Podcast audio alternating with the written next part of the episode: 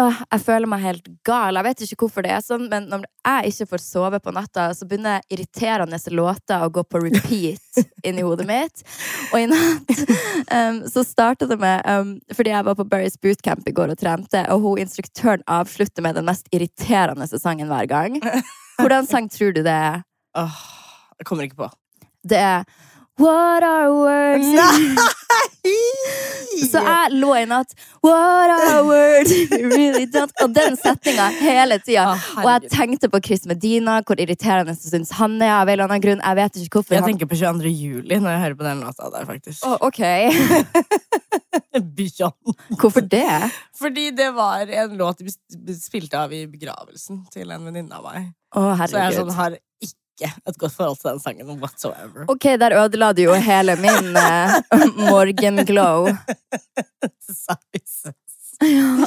Men i alle fall, det eskalerte fra Chris Medina og What a Words i natt i senga til den der er, du vet, med sånn smurfestemme inni hodet mitt og gjorde meg gal. Så jeg har sovet sånn, jeg vet ikke, to timer i natt på grunn av de sangene. Nice. Jeg ble jaget i søvne i natt. Jeg drømte at jeg ble mørda, og så våkner jeg opp og er bare sånn Må gå og sjekke alle ruter, alle dører, alt mulig. Kommer tilbake igjen i senga og er sånn Å, herregud, jeg må huske på hvem det var som var morderen. Jeg må huske på hvem det var. Jeg skal skrive det ned. Slukner. Cannot remember the murder. Jeg har, blitt, jeg har fått så mye noia når jeg er hjemme nå generelt, fordi at jeg har sett den serien på Netflix, den You. Du har sett den? Ja. Hva syns du? Jeg syns den var veldig bra. Men jeg elsker sånne serier som får deg til å heie på den slemme personen. Enig. Og i You så heier man jo virkelig, men det har fått meg til å tro at jeg har en stalker. Og jeg har jo Ja. stalkers. Sånn som i går, eller hva det var, så fikk jeg plutselig levert tre blomsterbuketter hjem. Var det det du la ut på storyen din? Ja, altså, jeg kom hjem, så hang det tre ulike blomsterbuketter på døra mi. Så tenkte jeg oi, det var jo På ytterdøra? Ja, ja. Så var jeg sånn, ok, det var jo litt voldsomt mange buketter på en gang. Og herregud, jeg lurer på hva det her er for noe. Og når jeg åpna dem, jeg forventa at det skulle være typ noe fra kanskje for... Kasper. Nei, Kasper, er du gal? Jeg skulle si fra forlaget mitt, eller fra Ah. TV 2, eller et eller annet. Eller en liten del av meg tenkte ok, det har jo vært Valentine, så kanskje det er Kasper som hadde sendt det, men det var det ikke. Det var, det, det var tre ulike personer, så jeg lurer på om de har gått sammen om det her.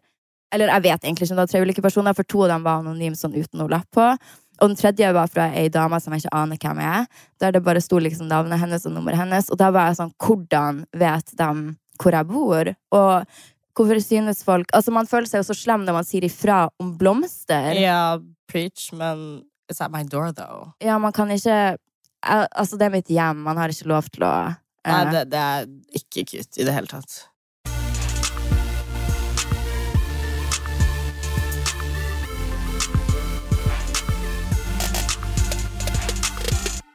eh, Jeg har gjort veldig mange ting i karrieren min som jeg skulle ha vært foruten, da. Sånn Åh, det er sånn, det gjør faktisk fysisk vondt i meg å si det her. Um, det er sånn, jeg cringer så hardt når jeg tenker på det.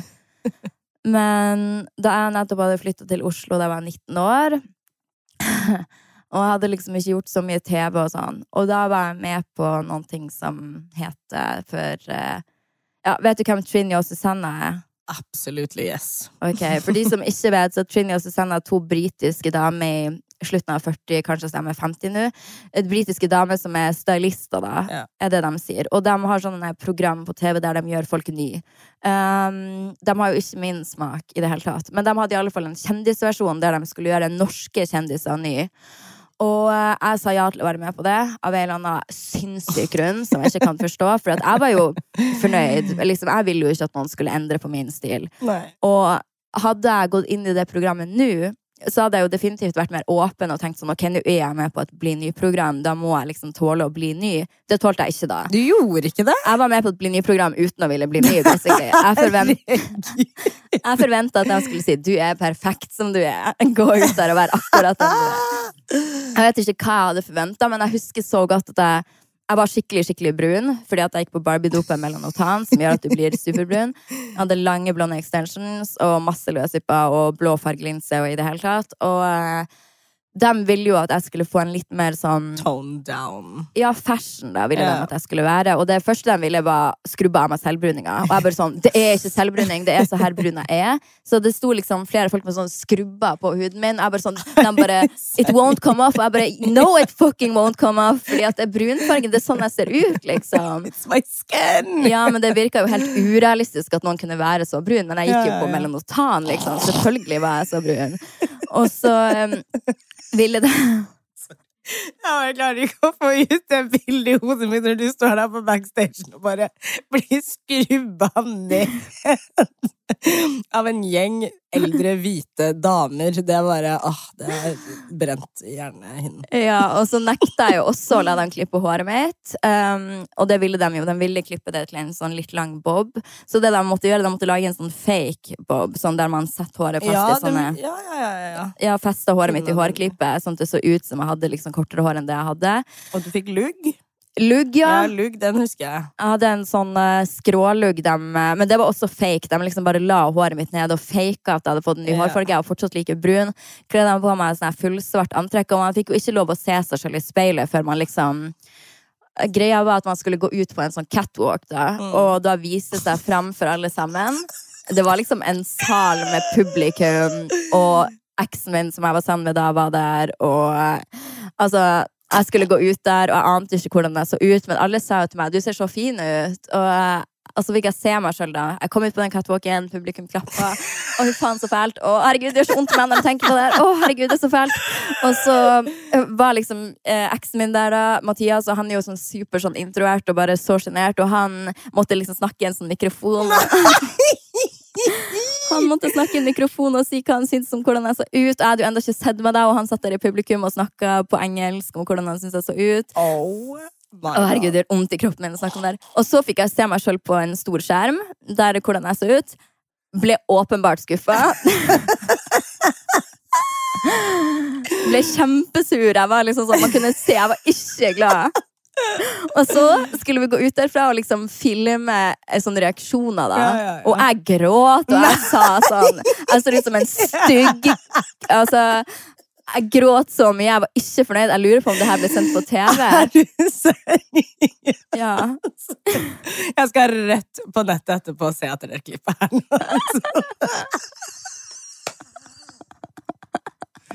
Hallo, det her kan jeg ikke huske engang. Vi altså, kjente ikke hverandre. Nei, nei, men jeg kan ikke huske at det var så ille, for vi har jo snakket om det før. Jeg var bare så lite Men- liksom, Jeg var ikke komfortabel med forandringer. Nei.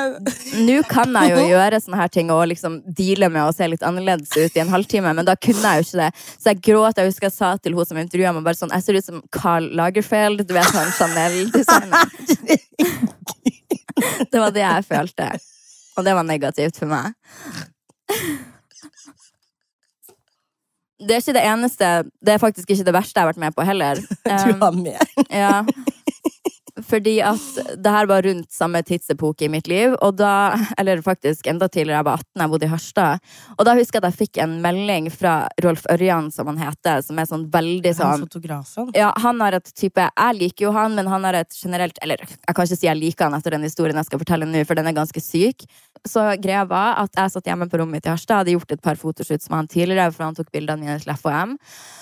Og så sendte Altså, her kommer det en historie. Altså, alt det her som jeg skal fortelle nå, er så fucka, liksom. Og det er bare blokka ut av minnet mitt, så nå kommer det tilbake, liksom.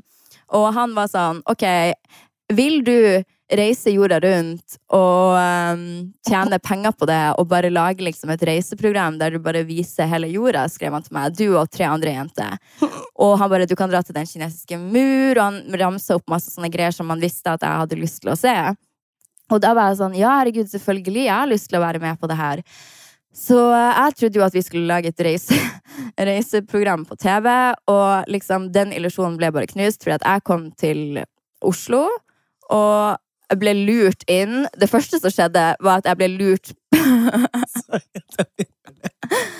Det første som skjedde, var at jeg møtte 20 andre jenter som var der alle var liksom sånn, type sånn som meg. Alle hadde liksom extensions, Restylane, silikon, høye hæler. He has a type. Ja, alle var akkurat sånn som meg. Um, og det første som skjedde, var at vi ble lurt inn på en audition. Jeg ble lurt inn, men eh, de andre visste vel kanskje om det her. Var det sort skinnsofa der? Nei, ikke en sånn audition. Vi ble lurt inn på audition til den filmen. Hva faen er den heter? Den Burning? Den bilfilmen.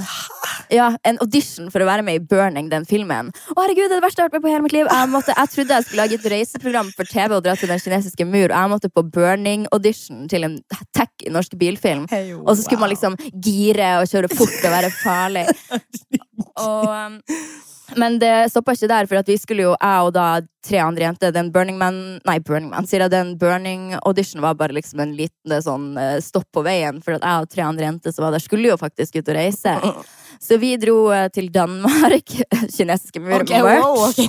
Um, vi dro med, med danskebåten Ja, ja. til Danmark og uh, måtte liksom lage reiselivsreportasje på danskebåten. Ingen av oss hadde jo noe erfaring, måtte snakke engelsk. Det var ikke for noen TV-kanal, det var for en nettside du måtte betale for å være medlem på, som heter Babe Adventure. Ah. Og der måtte du porn. ja, og det var, hele konseptet var at vi skulle være lettkledd og gå rundt og vise reiselivsgreier. Altså, jeg, der, det er jo kanskje en litt metoo-greie, for jeg ble jo 100% lurt inn i det her og bare følte meg så ukomfortabel hele tida. Fikk aldri betalt for noen ting heller. Jeg var i fem dager, og det var liksom bare masse Vi sprang rundt på stranda i bikini, snakka på dårlig engelsk. Det jeg husker best, var at hun ene jenta skulle liksom ta abort, og det var sånn på ekte, da, men vi var der og filma. Så vi snakka masse om det i den serien, da. Typ. Det finnes sikkert på internett fortsatt, jeg kan ikke tro at jeg snakker om det her. Og så dro vi videre. Vi dro til Barcelona, og der skulle de ha oss dansende i undertøy til den The Fox med Ylvis. Nei, gud. I'm absolutely so shook right now. Altså, jeg nekta å gjøre den der The Fox-greia. Ja, sånn, det- takk Gud, for den den fikk liksom ganske mange views på YouTube, og så er jeg veldig glad for at jeg nekta å være med på akkurat den der oh, The Fox i undertøy. Men jeg, altså, det var bare å være liksom stranda i en leilighet, først i Danmark og så i Barcelona. Bare skulle filme masse greier i undertøy hele tida. Åh. Men sånn, gikk det ikke opp for deg når du var på vei til Danmark, at sånn I'm not going to China? sånn. Det gikk opp for meg at jeg ikke skulle til Kina, og det gikk opp for meg underveis i hele greia at det her ikke var noe jeg egentlig hadde lyst til å være med på. Det var vondt i magen hele tida. Ja. Men samtidig så var det litt det der håp om at det skulle bli noe annet. For jeg trodde jo på at det her var liksom bare noe man gjorde i starten, Ja. eller at det skulle bli et reiselivsprogram. Og jeg hadde jo så lyst til å jobbe med TV, og jeg, jeg skjønte jo liksom ingenting da. Og det var Altså, jeg tror ikke det var en eneste gang jeg var der det føltes ok. Eh, Hvor gammel var du da? 19? Jeg er 18. Ah. Og Uh. vi måtte jo gjøre en FHM-shoot. Jeg måtte være med på ettermiddagen på TV2 og snakke om det her programmet. Altså, det er rart at det her har gått folk hus forbi, for det var Men liksom kan jeg gå og liksom google det? Jeg tror man kan google det. Dessverre, ja. Og det verste var at jeg trodde liksom at det her skulle bli et slags springbrett i min karriere, for det var sånn det ble lagt Ja, fram. ja, ja, 100. på en måte. Og eh, Nei, det var, det var fælt. Vi har begynt med en ny knagg her på podden som jeg syns er veldig gøy, og det er ukas lytterspørsmål. Og vi har jo fått, siden vi starta, utrolig mange spørsmål. Jeg må si at jeg elsker å lese tilbakemeldingen på podden, og jeg blir veldig veldig glad. Så keep them coming. Og fint å kunne liksom inkludere lytterne litt mer i det, syns ikke du? Jo, absolutt. Jeg får så mye kommentarer, meldinger på Insta og loving. Ok, så da skal vi starte da, og jeg tenkte at det er fint å bare starte på starten. Det er mange som har lurt på hvordan jeg og du egentlig ble kjent. Ja, hvordan er det vi ble kjent? Altså, vi har jo litt ulike oppfatninger av situasjonen, ja. for å si det mildt. Men sånn som jeg husker det, jeg kan si først hvordan jeg husker det. Det var at eh, jeg var sammen med eksen min, Robin. Um, Det var jo, ja, det var jo gjennom uh, egentlig han. ja, men jeg må bare en liten side note på snakk om Robin. Sorry, vi blir aldri liksom ferdig med han i den podden, men hva var det slags melding han sendte deg etter forrige poddepisode på snakk om lytterspørsmål? Motherfuckeren droppa et lite brev i innboksen min. Talk about, han har aldri lagt ut et bilde. At du, vi må slutte Nei, du må slutte å snakke om han, og du må la han gå. Det her er fem år siden. Så han tror, den psykopaten, at vi snakker om han i podden fordi at jeg enda er forelska i han. Altså, OK. Det er fem år siden. I better move on. ja, Ja. on. Ja, ja, ja. Ok, da kan okay. vi du vite sterkt og tydelig Grunnen til at vi snakker om det, er for at du er en psykopat. Jepp. Og fordi at du har spredd bilder, og for at du har slått ned folk. Derfor snakker vi om det, ikke for at jeg er forelska i deg. Du better move on. Men i alle fall, han. Vi ble kjent Vi kjent med han gjennom han, og det var vel Det var jo åpenbart ikke så veldig god tone første gang vi møttes, for vi fikk bare aldri en samtale i gang. Jeg tror ikke jeg ville prate med deg heller, for jeg syns at du var ganske sånn skummel. For at du har jo en veldig direkte måte å være på. Du tar liksom mye Altså, man må huske på det her i flere år siden. Jeg var veldig, veldig veldig usikker da. Jeg var ikke en person som holdt øyekontakt, eller som liksom turte å ta initiativ i en samtale, og det kreves for å være venn med deg. Men i alle fall, vi møttes et par uker senere, og da var det første gang vi faktisk hadde en ordentlig samtale sammen.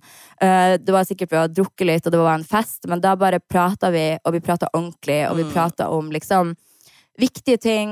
Og på den tida i alle fall så var det ikke så ofte jeg bare plutselig kunne prate med noen om ting som var viktig for meg. da. Nei.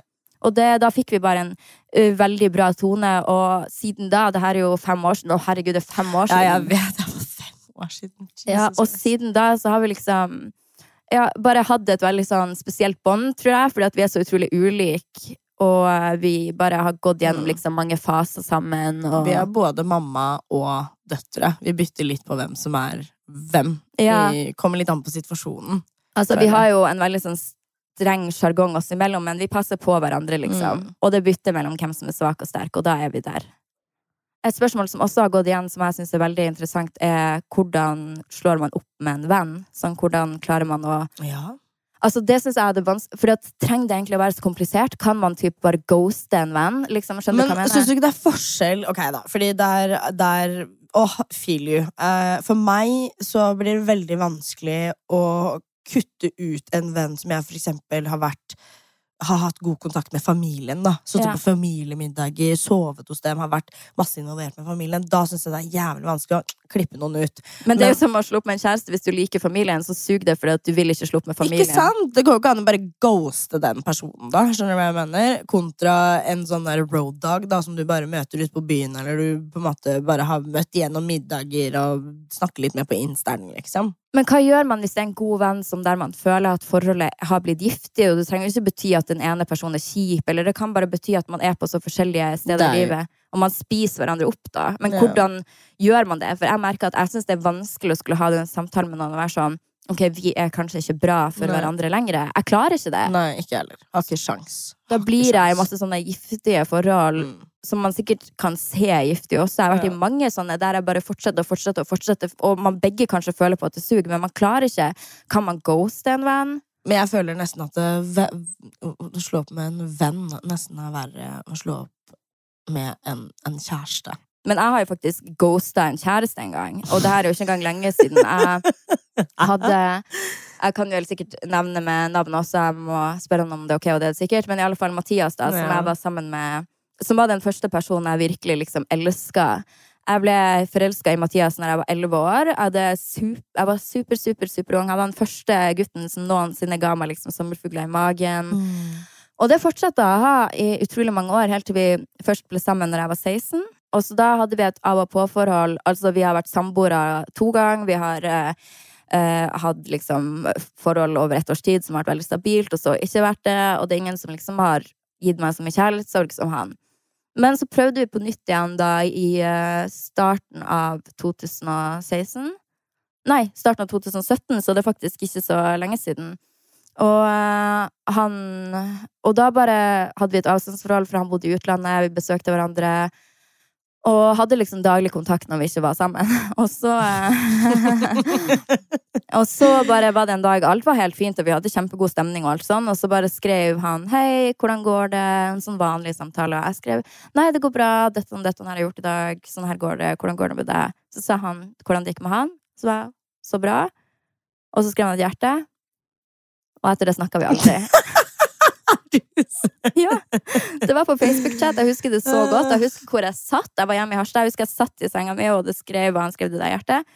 Gikk jeg og fortsatte med dagen min. Og så gikk det liksom to uker, vi hadde ikke sagt et ord til hverandre. Sånn, ingen bare tok kontakt etter det. Og det var sånn, herregud, så rart. Det er liksom ikke vi kjærester, men det var sånn, ingen av oss ville typ, ta kontakt. Så bare Nei, gikk nei. det litt tid. Og så møtte jeg Kasper. Så teknisk sett er jeg jo fortsatt sammen med Mathias, så jeg har jo aldri slått opp.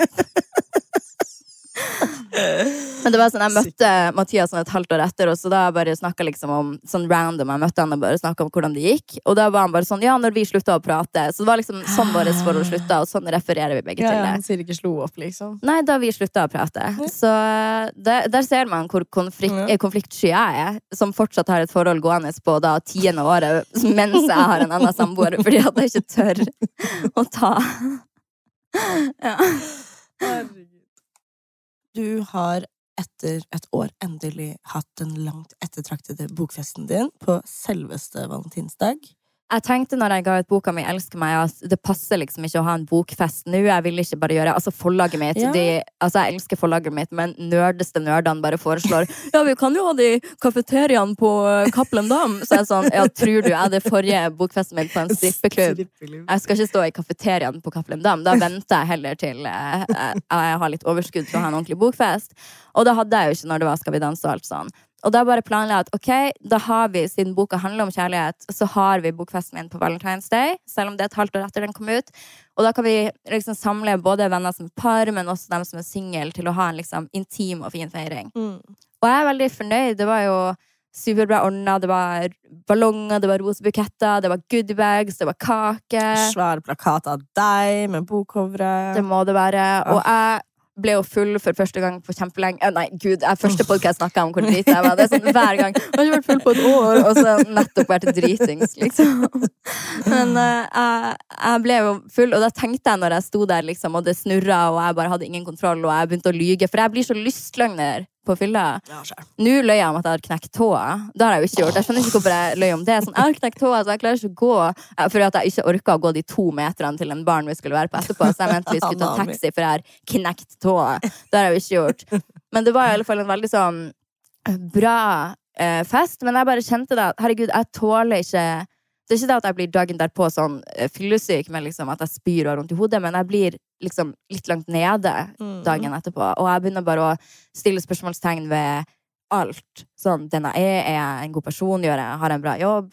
Og føler du det sånn dagen derpå noen gang? Nei. Nei, men du er drikker jo alltid. Ja, jeg, bare, jeg er litt sliten, liksom. Du er alltid bare- fyllesyk. Ja. ja, egentlig ikke lenger nå. Du vet, Det har gått så lang tid nå, så kroppen min er vant til det. Hvis I just du- need a shower. Hvis du drikker hver dag, så tror jeg du er kronisk fyllesyk, så du vet ikke forskjellen. Ja, for så vidt. But I feel good, though.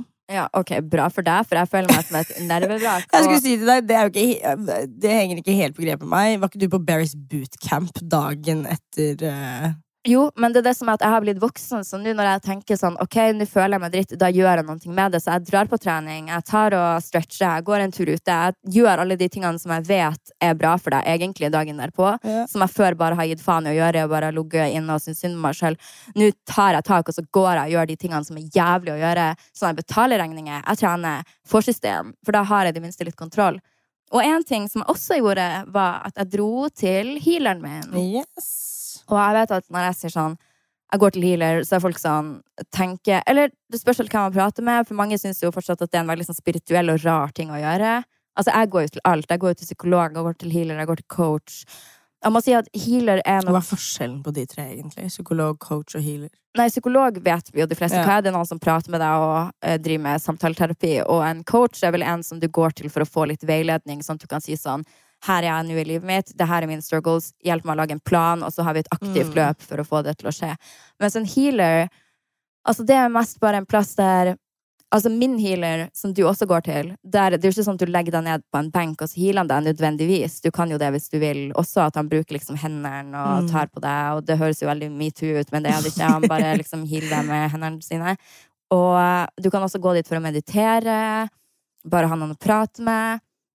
Og jeg føler at healer er min favoritting av de tre. Syns du det? Ja, ja absolutt. Mm. Det er min favoritting. For jeg merker at hver gang jeg kommer inn til healeren min, for han er så intens Han er sånn som ser deg rett inn i øynene, han er veldig sånn rolig, og du føler ikke at han prøver å spille noen slags spill med deg. Som han, jeg kan føle med psykolog noen ganger, at du merker sånn at OK, du har lært deg det her, og derfor svarer du sånn, og nå tenker du det om meg, for du har hatt denne utdanninga. Og det kan jeg tenke når jeg er psykolog, dessverre. Men med healeren så er det mer bare sånn ærlig, åpen. Jeg kan ikke si at han gir de beste rådene, for det er jo som å snakke med et horoskop. Det er jo veldig sånn generelt. Men han er Det var veldig godt sagt. by the way.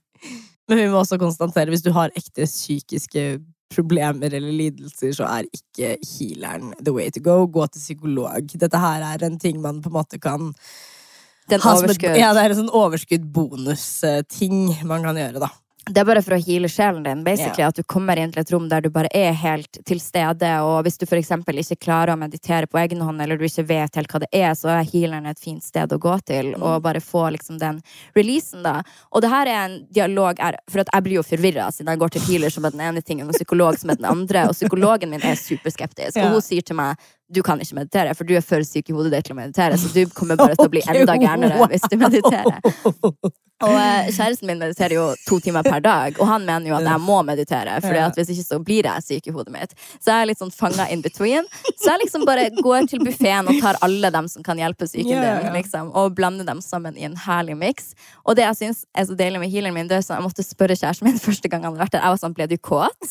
Fordi at man blir litt sånn Ble du kåt når du var hos healeren? Nei, absolutt Ikke? Ikke. Ikke litt. Jeg, blir litt, jeg kjenner det kiler litt i tissen, fordi det er sånn veldig intenst, og det er mye sånn kroppskontakt. Og jeg gikk der mye under Skal vi danse. Hjalp jo åpenbart ikke, for jeg fikk psykisk knekk og trakk meg. Men det er en veldig sånn Altså, det anbefales å gjøre én gang i løpet av livet, Fordi at hver gang jeg kommer ut fra healeren, så er jeg sånn Ja, jeg følte det, men en gang jeg kom inn, så min umiddelbare reaksjon var å bare se på healeren. Han så på meg, jeg så på han, og så bare Jeg bare begynte å Ja, hylgrine. Hvorfor tror du det? Og når vi mediterte, så følte jeg at jeg, på en måte, jeg ble veldig lettet. Men i det jeg ble lettet, så følte jeg at liksom, vekten kanskje var klærne mine. Jeg følte at jeg satt der og var helt naken, hvis du skjønner. Men åh, nei. Jeg må fortelle deg noe sykt som skjedde hos healeren min. For jeg gikk jo inn dit og var en skeptiker. Jeg spurte sånn Er du synsk? Bla, bla. Og han er sikkert den mest slitsomme pasienten. White girl. Ja, ja. Og så var han sånn Nei, jeg er ikke synsk, men eh, jeg har liksom en veldig sterk intuisjon. Men det har du også. Og så er jeg sånn Bevis det. Og eh, ikke at jeg har en sterk intuisjon, men bevis at du har det. Eh, Og han bare sånn Ja, ok, skriv ned to ting du lurer på på en lapp. Ikke vis meg lappen, og du kan spørre om Lurer på hva som helst. Så det jeg skrev ned på den lappen, han var veldig tydelig ikke vist til meg, så jeg satt liksom og skjulte lappen min, og det jeg skrev var sånn Hva er meninga med livet? For jeg kom liksom ikke på noe, så da tok jeg liksom det største av alt, og det var hva er meninga med livet? Og det andre spørsmålet mitt var hva skal jeg gjøre i morgen? For det var bare liksom noe veldig konkret, og jeg visste jo hva jeg skulle gjøre dagen etter. Um, og så sa han ikke vis meg lappen, ta den med deg hjem. Og når du er på vei inn døra til leiligheta di, så plukker du opp en kvist, og så tar du og fyller et halvt glass med vann, legger kvisten oppå det halve glasset, og det skal symbolisere en bru over en elv. Og så tar du lappen, legger den under puta di, og så skal du sove. Og så skal jeg komme til deg i drømmen din over den liksom, brua da, og fortelle deg svarene på det du lurer på. Og da var jeg bare sånn, ok, jeg følte meg så dum når jeg gikk ut og lette etter en kvist, og jeg tok det her glasset mitt med vann og satte ved siden av senga, og la meg ned for å sove. Drømte ingenting. Uh, Syntes at det var litt sånn ubehagelig. Og så uansett om jeg hadde drømt noe, så kunne jo det vært en, liksom, min fantasi, liksom, siden jeg så hardt ville at han skulle komme til meg i drømmen. Så jeg ville jo ikke ha trodd på det. Jeg drømte nå uansett ingenting, og jeg syntes at det var litt sånn kleint. Jeg skulle jo tilbake til han, og eh, jeg var der to ganger før jeg liksom Før det her kom opp, da. Jeg tenkte jo at han bare hadde glemt det, den kvisthistorien og det glasset og alt det der. Um, så sa han sånn uh, uh, To ganger etter, når jeg var der, så sa han ja, og angående det du lurte på. Og så sa han til meg hva du skulle gjøre i morgen, det vet du jo allerede, for det har du jo gjort. Uh, og angående det andre du lurte på, hva som er meninga med livet, så um, er det et veldig stort spørsmål. Og så sa han masse sånn generelle horoskopting igjen, og jeg bare um, og så var jeg sånn, har jeg fortalt deg om det her den andre gangen jeg var her, liksom? Og han bare sånn, nei, jeg, vi kom jo til deg i drømmen din. Og jeg bare, ja, men jeg drømte ingenting. Og han bare, ja, men det gjorde jeg. Og det er liksom alt som kreves.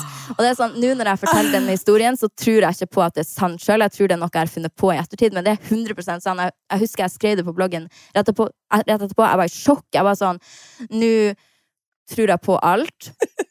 Og på Snakk om healer så sa en synsk person til meg i New York for to år siden at det skulle skje noe stort for meg i mars 2019, og det er nå snart. Så vi får se om det skjer. Men i alle fall min healer i Oslo eh, hadde i alle fall et synsk moment med meg. Og eh, det gjorde at jeg var en believer i nøyaktig to uker, helt til jeg begynte å tro at det her er noe jeg har funnet på i mitt eget hode, som jeg egentlig tror nå. Men eh, skulle ikke du på Bastille-konsert? Altså, jeg har jo blitt litt mer voksen, føler jeg. fordi at når jeg er fyllesyk, så klarer jeg å tenke ikke dra på den konserten. Og det var jo synd å måtte sende melding til venninna mi. Vi hadde jo fått billettene gratis, så det var ingen penger tapt, men å bare måtte si jeg klarer ikke å dra på denne konserten her, Bastille. Og det var egentlig litt synd, for Bastille var i Oslo for to år siden, tror jeg. Og da klinte jeg med hele bandet. Ikke bare én, jeg klinte med dem alle. Så hver gang jeg hører den sangen, ø, ø, o, ø, o, så tenker jeg på når jeg klinte med hele bandet. Og jeg klarer jo ikke Jeg tenker sånn, ok, det er ikke så big deal, for det her er de- eneste store kjendisene jeg har klint med. Så jeg tenkte sånn, ikke si det til alle, for da tror alle at du aldri har opplevd noe kult i hele ditt liv. Men jeg klarer ikke å la være. Hver gang den sangen kommer, så sier jeg Visste du at jeg har klint med Jeg har klint med på stil.